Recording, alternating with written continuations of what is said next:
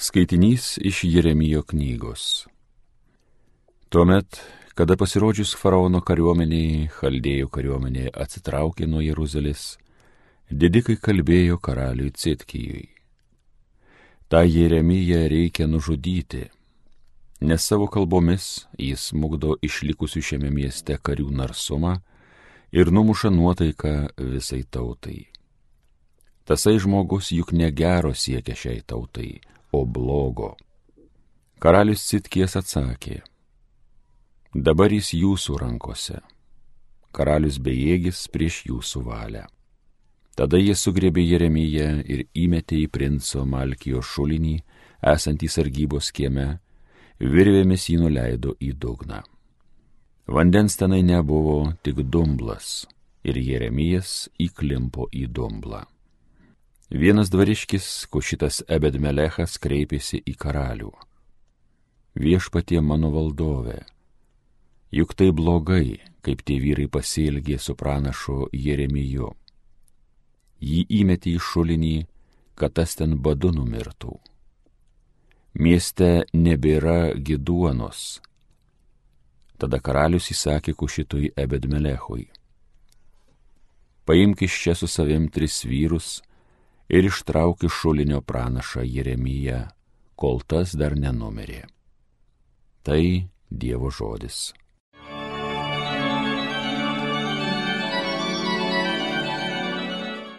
Viešpatie, skubėk man padėti.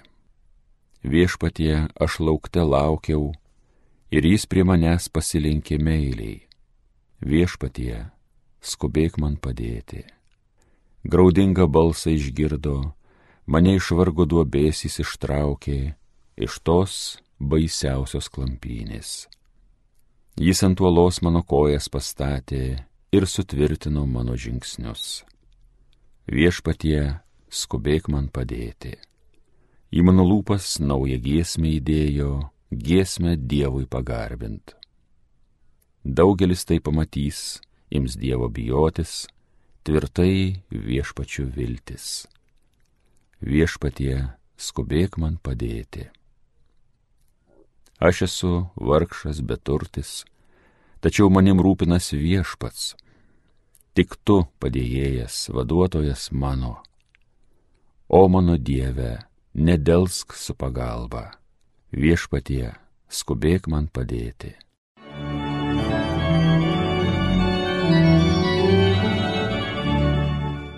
Antrasis skaitinys iš laiško žydams.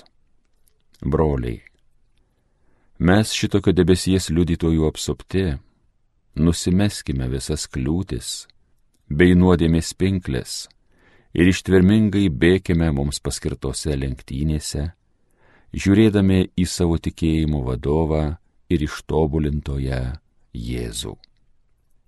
Jis vietoj savo priderančių džiaugsmų, nepaisydamas gėdus, iškentėjo kryžių ir atsisėdo Dievo sosto dešinėje.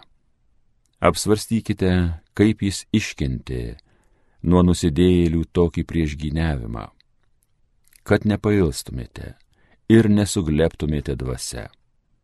O jums dar ir neteko priešintis iki kraujų, besigrumint su nuodėme.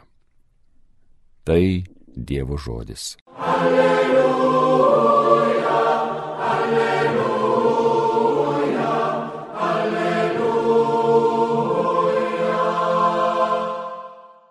Manosios avys klauso mano balso, sako viešpats, aš jas pažįstu ir jos seka paskui mane. Alleluja, alleluja, alleluja. Pasiklausykite šventosios Evangelijos pagal Luką. Jėzus kalbėjo savo mokiniams, aš atėjau išžiepti žemė ugnies ir taip norėčiau, kad ji jau liepsnotų. Aš turiu būti pakrikštytas krikštu ir taip nerimstu, kol tai išsipildys. Gal manote, kad esu atėjęs atnešti žemėn taikos. Nesakau jums, ne taikos, o nesantarvis. Nuo dabar penki vienuose namuose bus pasidalyję, trys prieš du ir du prieš tris. Tėvas tos prieš sūnų, o sūnus prieš tėvą, motina prieš dukterį, o duktė prieš motiną, Anita prieš Marčią ir Marti prieš Anytą. Girdėjote viešpatie žodį.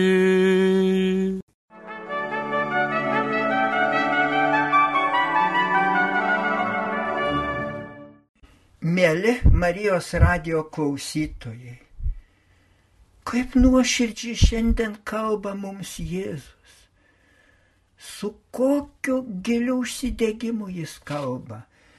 Aš atėjau įžiepti žemė ugnies ir taip norėčiau, kad jį jau liepsnutų.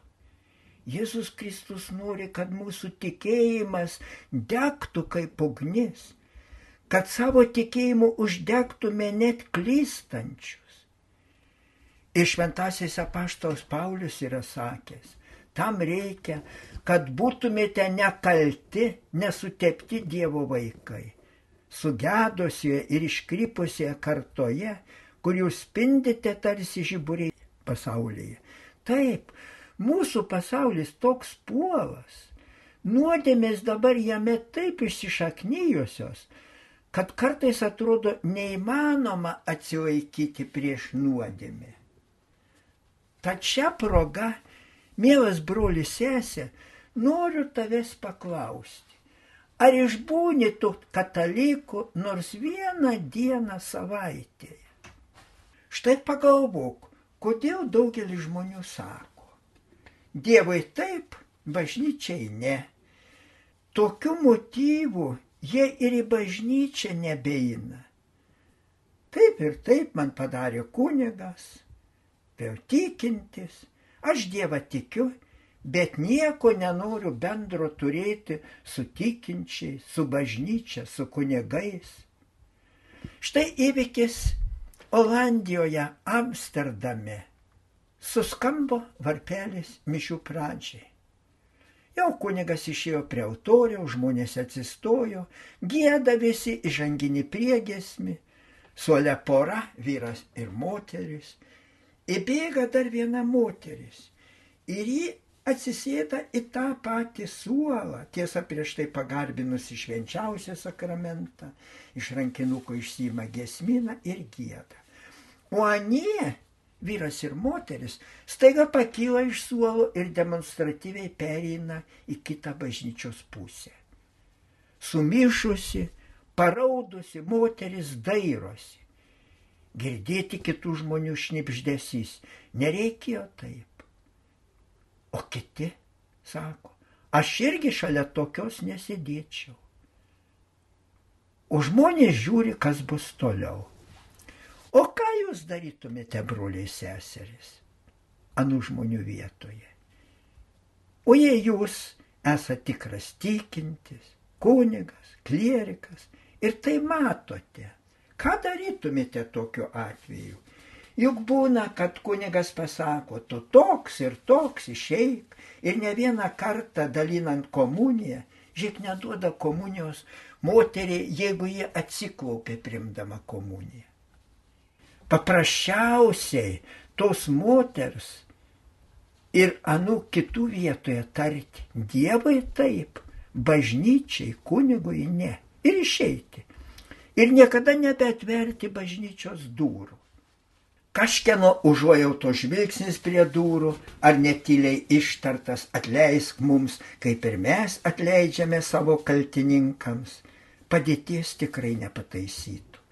Ir net mišiuose tuo atveju tie žodžiai bus melas, nes tai moteriai nebuvo atleista. Kaip ji be gali dalyvauti mišiuose taip atstumta? Argi jie nėra tiesiog stumame iš bažnyčios? Būtent Tuo metu ji pakilo ir nuėjo išeiti iš bažnyčios. Bet gale bažnyčios suolė sėdintis, staiga atsistojo kiti žmonės, kita šeima ir pakvietė ją į jų vidurį. Ir tai dar ne viskas. Baisiausia atsitiko po mišių prie išėjimo. Buvo priekaištaujančių. Jūs nežinote, kas jį tokia pasisodindami vidury, jūs visus mus įžeidėte. Juk čia Amsterdame daugybė prostitučių. Bet prieje kiti sakė, teisingai padarėte, sugėdinote visus. Jūsų pasilgimas didžiausias pamokslas mums. Bažnyčios nei toj moteris, nei tie žmonės nepaliko nors daugelio buvo smerkiami, nors kai, nors kai kurie nuo jų, kaip ir nuo tos moters, demonstratyviai nusisuko. Ir su Kristumi juk buvo ne kitaip. Kodėl fariziejai taip labai nuo Kristaus nusisuko? Jisgi sakė, kad prostitutės, paleistuviai bus pirmi dangaus karalystė. Taip, jeigu žmogus yra pasiryžęs taisyti savo gyvenimą, ir toji moteris tikriausiai buvo pasiryžusi. Jėzų Kristų pasmerkė tie gerieji, pavyzdiniai fariziejai ir nukryžiavo jį. O kaip pasielgtų šitokiu atveju dauguma žmonių mūsų katalikiškoje Lietuvoje? Kaip pasielgtume mes, daugelis kunigų, matydami, kad koks nors kunigas neduoda moteriai komunijos, ko gero apsimestume nematę.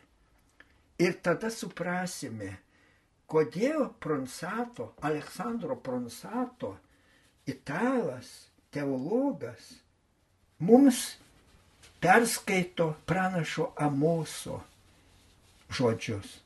Nepatinka man jūsų iškelmės, neapkenčiu, bjauriuosi jūsų šventėmis, nepriimsiu jūsų aukų, net nepažvelgsiu jūsų susitaikymo atnašas.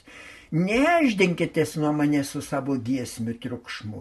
Mane erzina jūsų muzika. Taip, taip, kodėl pranašas Amosas toks griežtas? Žmonės, labai dažnai mes žmonės, šešias dienas per savaitę būname pagonis. O vieną dieną, sekmadienį, einame bažnyčią jau krikščionis. Kaip matome, net ir vieną dieną kartais nesugebame išbūti tikrais atlaidžiais krikščionėmis.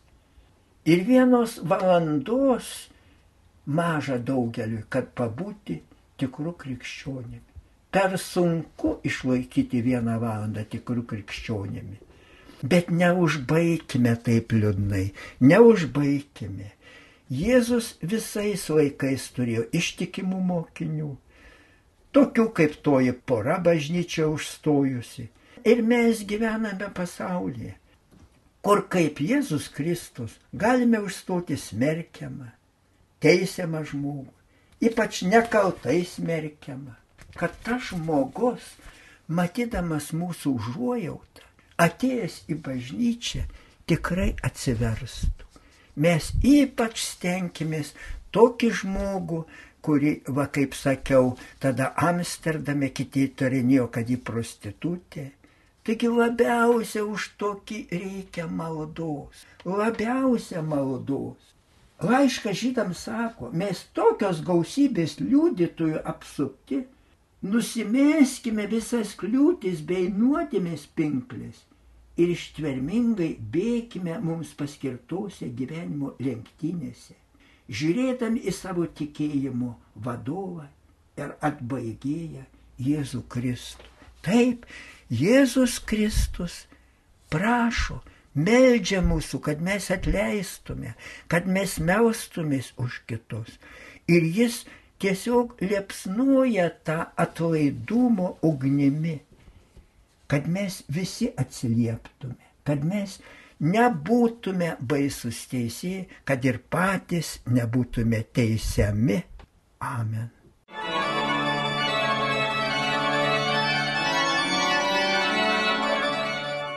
Evangeliją gėdojo kunigas daktaras Vilius Sikorskas. Homilyje sakė Panevežio vyskupas emeritas Jonas Kauneckas.